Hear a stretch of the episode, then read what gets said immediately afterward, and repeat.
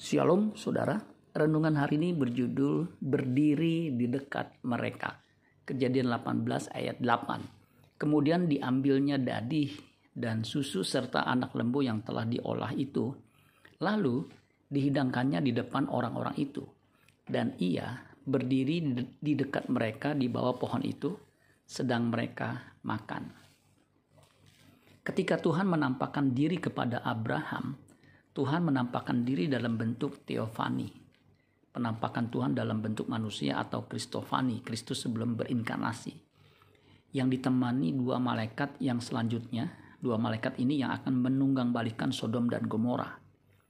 Yang menarik adalah Abraham bukan saja sujud menyembah sampai ke tanah, ia pun melayani mereka.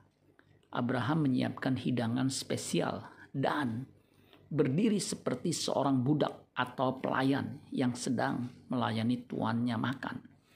Perhatikan dua terjemahan berikut ini. Kejadian 18 ayat 8 terjemahan versi mudah dibaca.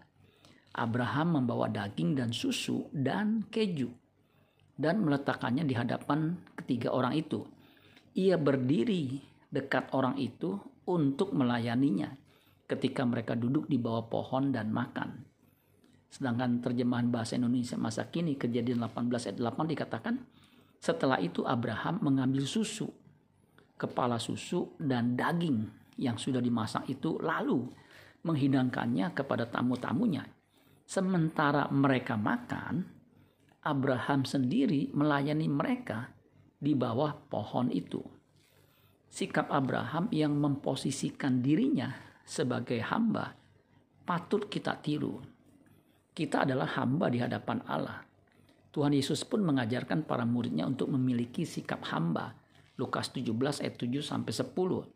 Siapa di antara kamu yang mempunyai seorang hamba yang membajak atau mengembalakan ternak baginya akan berkata kepada hamba itu setelah ia pulang dari ladang, mari segera makan. Bukankah sebaliknya, ia akan berkata kepada hamba itu, sediakanlah makananku ikatlah pinggangmu dan layanilah aku sampai selesai aku makan dan minum.